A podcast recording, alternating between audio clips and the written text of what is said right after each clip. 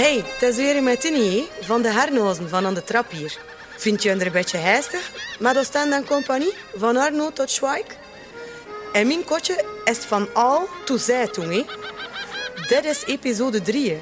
En de deen gaat over de schrijvers. De grootste Vlaamse schrijver die hier gewoond heeft, is Hugo Claus. Kom je mee ontdekken hoe dat in Hotel de Londres terechtkomt? En hoe dat zijn debuutroman De Metsier schrijft? Claude Blondel vertelt over de dagen van Claus en Oostende.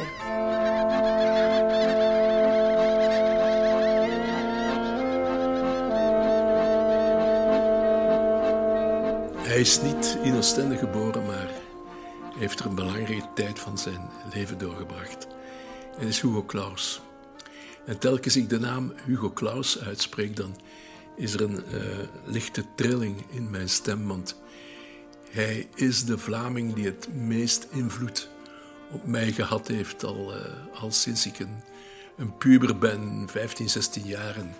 Ik las de Metsiers en ik probeerde, of ik deed alsof ik de Oostakkerse gedichten begreep. Hoe dan ook, uh, al begreep ik er niet veel van. Ik had het toch gekocht en het lag op mijn nachttafel. En ik had een vriend dichter die, en wij dweepten met Hugo Claus. Wij waren zot gewoon, zot van die man. Uh, voor mij is hij uh, ja, een soort idool geweest. Hè.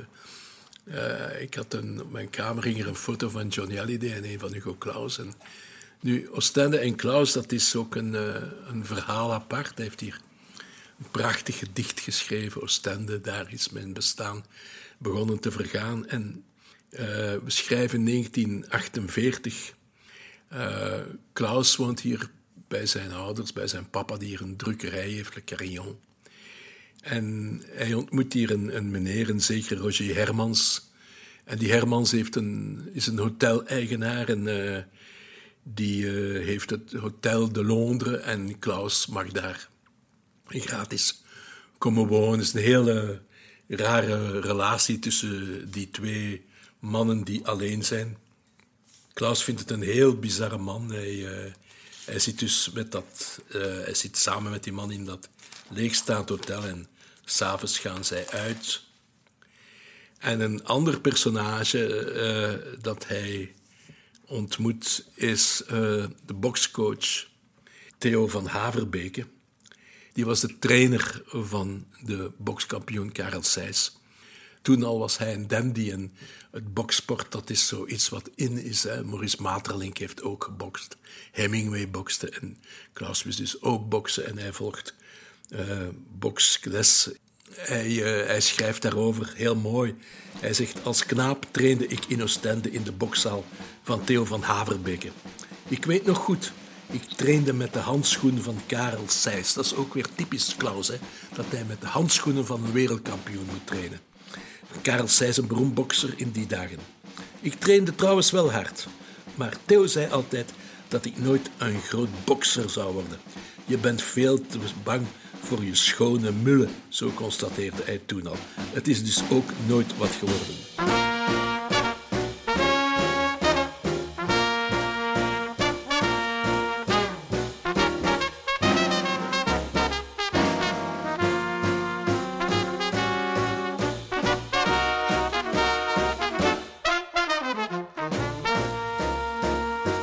Een andere ontmoeting is uh, een zekere Henri van de Putten.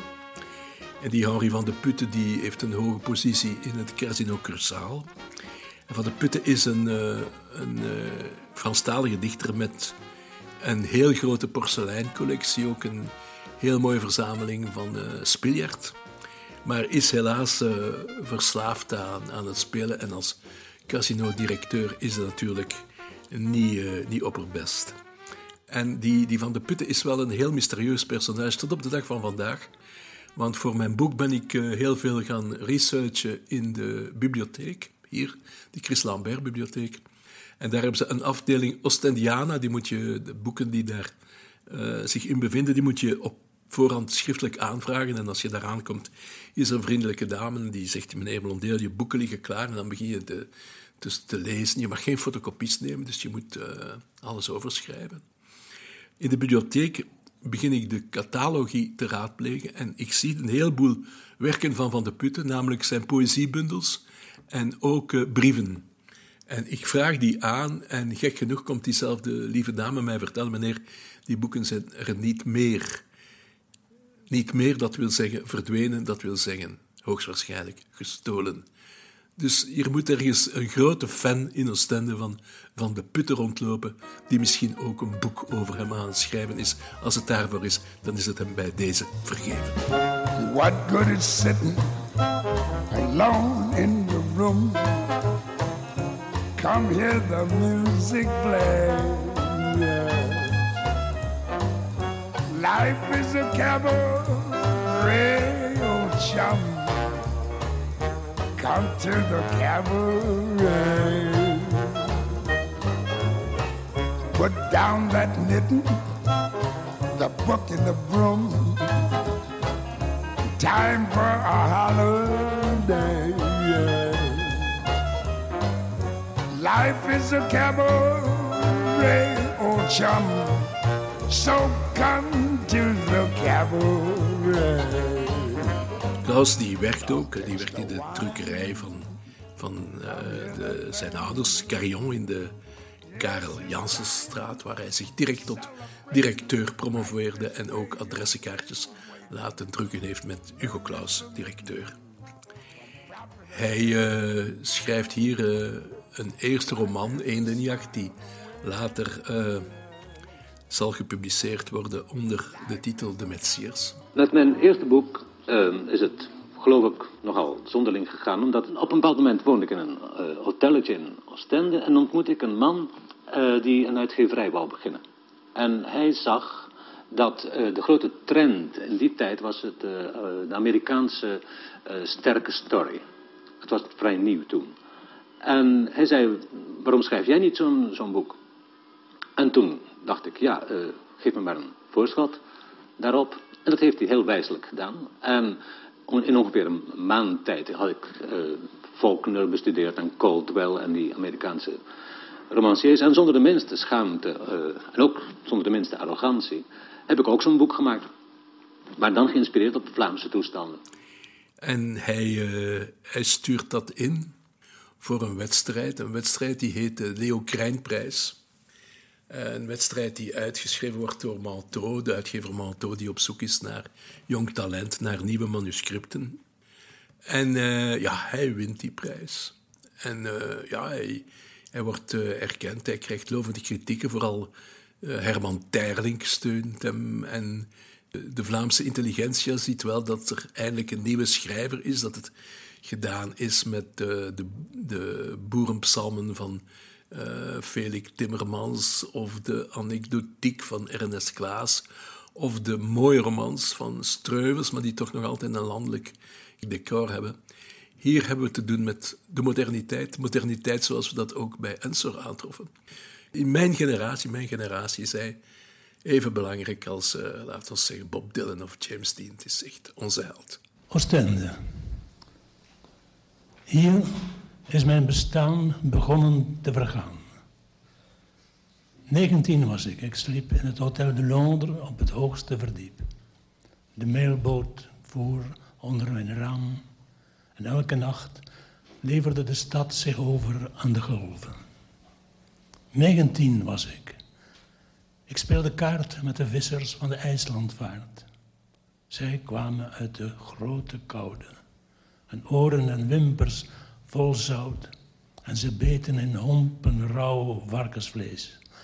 Ah, het geklik van de dobbelstenen. In die tijd van Vogelpiek en Pitjesbak won ik altijd. Daarna bij de dageraad langs de kathedraal, dat stenen spinsel van vrees. Langs de verlaten dijk, de nachtcafés met de hologige croupiers, de bankroete bankiers, Engelse meisjes met TBC. En vanuit die turkooizen zee het vreed gekrijs van de meeuwen.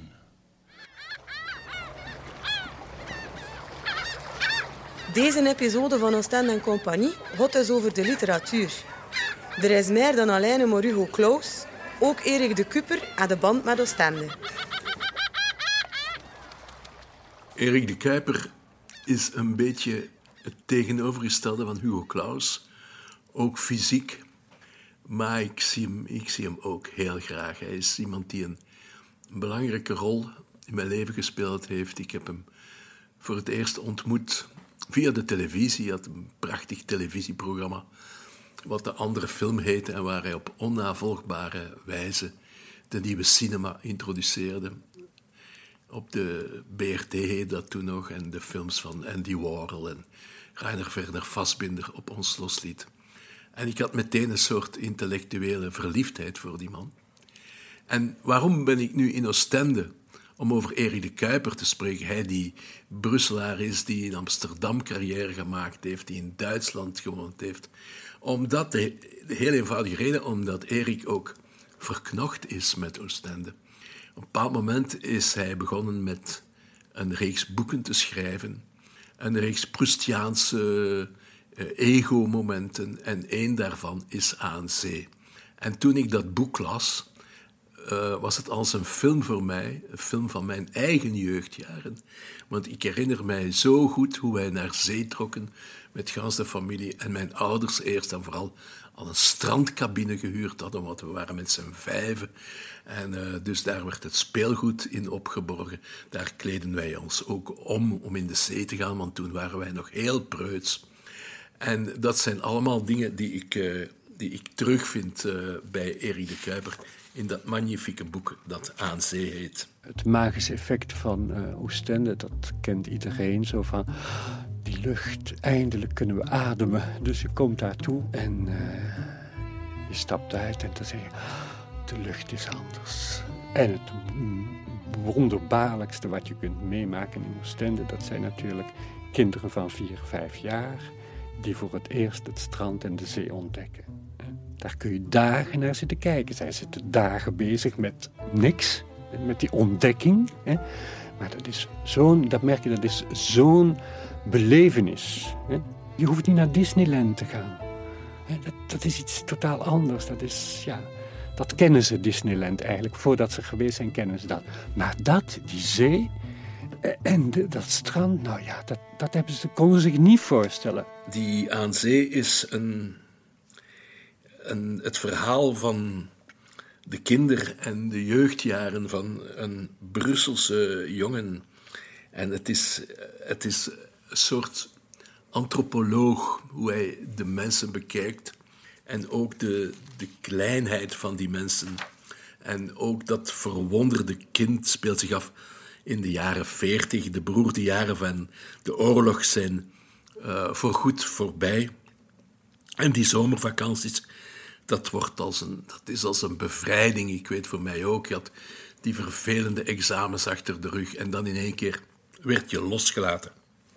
Gedurende weken aan de zee waar je veel meer mocht dan wanneer je met je ouders thuis zou gebleven zijn.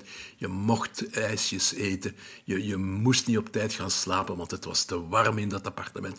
Je mocht langer blijven. En je mocht zelfs af en toe al eens naar de cinema gaan op de dijk, waar films van Laurel en Hardy vertoond werden. En dat, dat, was, ja, dat was meer dan vakantie, dat was gewoon uh, een heel groot feest. Nu, Erik de Kuiper laat Oostende niet los, want in 2004 volgt het derde en voorlopig laatste deel van zijn Oostense mijmeringen. En daar heeft hij het uh, meer bepaald nog over Oostende en de stad van de maskers. Want hij zegt... Het is zo'n stad met, met vele gezichten. Hè? Een uh, vakantie, een badstad, um, gezapig. Uh, de mensen komen daar om te relaxen. En er gaat toch een soort kracht vanuit. Eh, het zet heel veel mensen aan om averechts te zijn. Misschien omdat het allemaal te, te gezapig, te, onschuldig is. En denk maar aan Ensor. Hè. Ensor uh, in Oostende, dat, dat is typisch. Of denk aan iemand zoals Arno. Hè. Ook natuurlijk de hele historische dimensie. Hè. Oostende was een vissersdorp of een vestigingsstad tot in de 19e eeuw. En dan plots is het... Uh, zo uit het niets uh, gegroeid. En dat is uh, in ons land ook heel uitzonderlijk. Een utopisch project wat eigenlijk is blijven steken ergens ook. Hè? Merci, Erik de Kuiper. Het is allemaal goed en wel om over de schrijvers te vertellen. Hè? Maar je moest ook gewoon maar lezen. En als je boeken wil kopen in Oostende, Esther Morin goed adres. En dat is boekhandel Korman in de Witte Nunnestraat. Claude gaat er naartoe wangelen.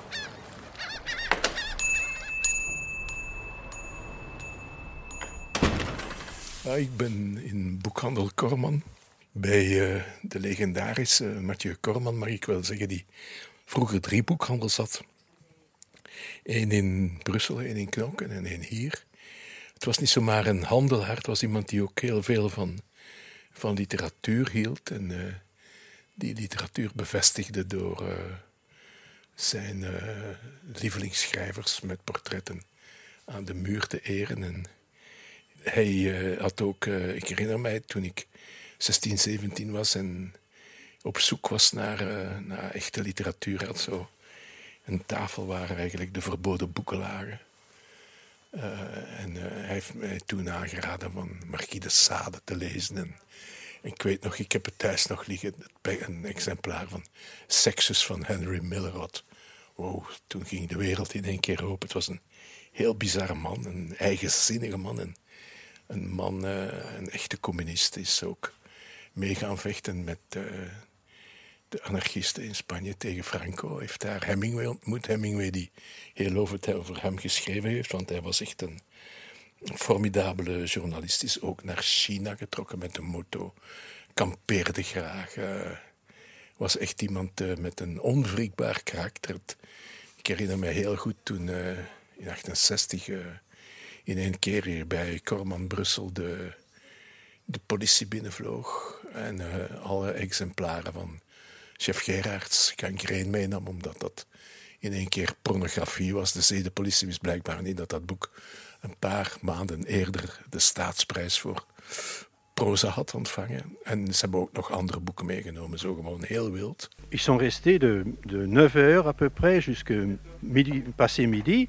Et je crois qu'ils ont saisi une centaine de livres. Et d'après les explications, il s'agissait de livres euh, qui, d'après eux, risquaient d'expliquer de, de, de, l'acte sexuel. Donnez-nous quelques exemples de, Bien, livres. Écoutez, il y a notamment des livres de Miller, Sexus par exemple. Alors le fameux euh, roman qui vient de remporter le prix de l'État néerlandais ou flamand euh, de Gerards. Uh, gangrene, oui, gangrene et d'autres. Ik zat toen op het rits, wij zijn toen gaan demonstreren. Dat was de periode van sit-ins en zo, tegen, dus vooral tegen censuurwetten. Dat was een zekere Franks die toen minister was, die nogal wild toesloeg.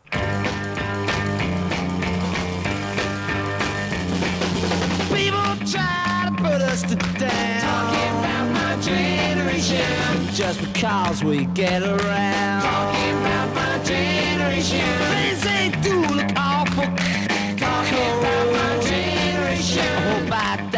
Before get old. My generation.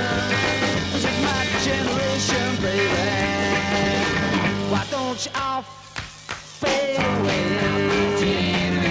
Don't try to dig what we all say. I'm not trying to cause a big sensation. I'm just talking about my generation.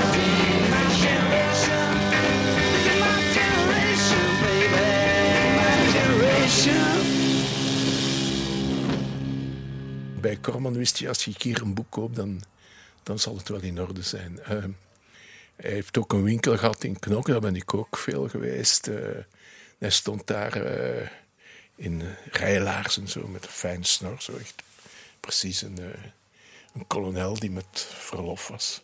En als het regende, mochten de kinderen daar winkeltje komen spelen. Die mochten dan meehelpen, geld teruggeven, boeken inpakken en zo. En dat was echt, ja, zo echt een heel, heel bizarre, bizarre koopman. Een heel bizarre meneer. En uh, op uh, 24 februari 1975 wordt uh, de dood van Mathieu Corman gemeld. Hij is 75 jaar en heeft zich van kant gemaakt in de bossen van Eupen, vlakbij zijn geboortestreek. De kranten rakelen dan nogal rare berichten op dat er zedenfeiten zouden geweest zijn met minderjarigen. Maar niks wordt echt bewezen. En uh, op zijn graf staat gewoon geschreven Mathieu Cormand om libre. Dat vind ik magnifiek. Het is een man die, ja, die eigenlijk een, voorbeeld voor mij geweest is. Zo van, ook op literair gebied. Maar ik keek wel op naar hem. Het uh, bizarre is wel dat hij ook uh, zelfdoding gedaan heeft door twee van zijn geliefkoosde auteurs. Weer portret in de boekhandel, een schilderij van Labis. We naar omhoog gingen. En uh, dat waren uh, Henri de Monterland, de Fransman, en Ernest Hemingway.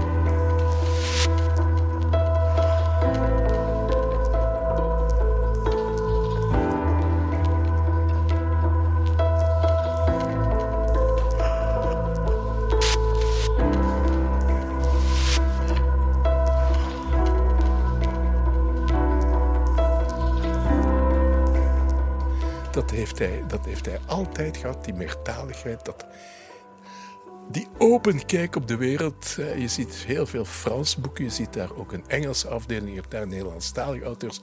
En Mathieu die had zelfs in zijn boek al Russische, Russische boeken. Gewoon uh, uit tegendraadsheid verkocht hij ook boeken.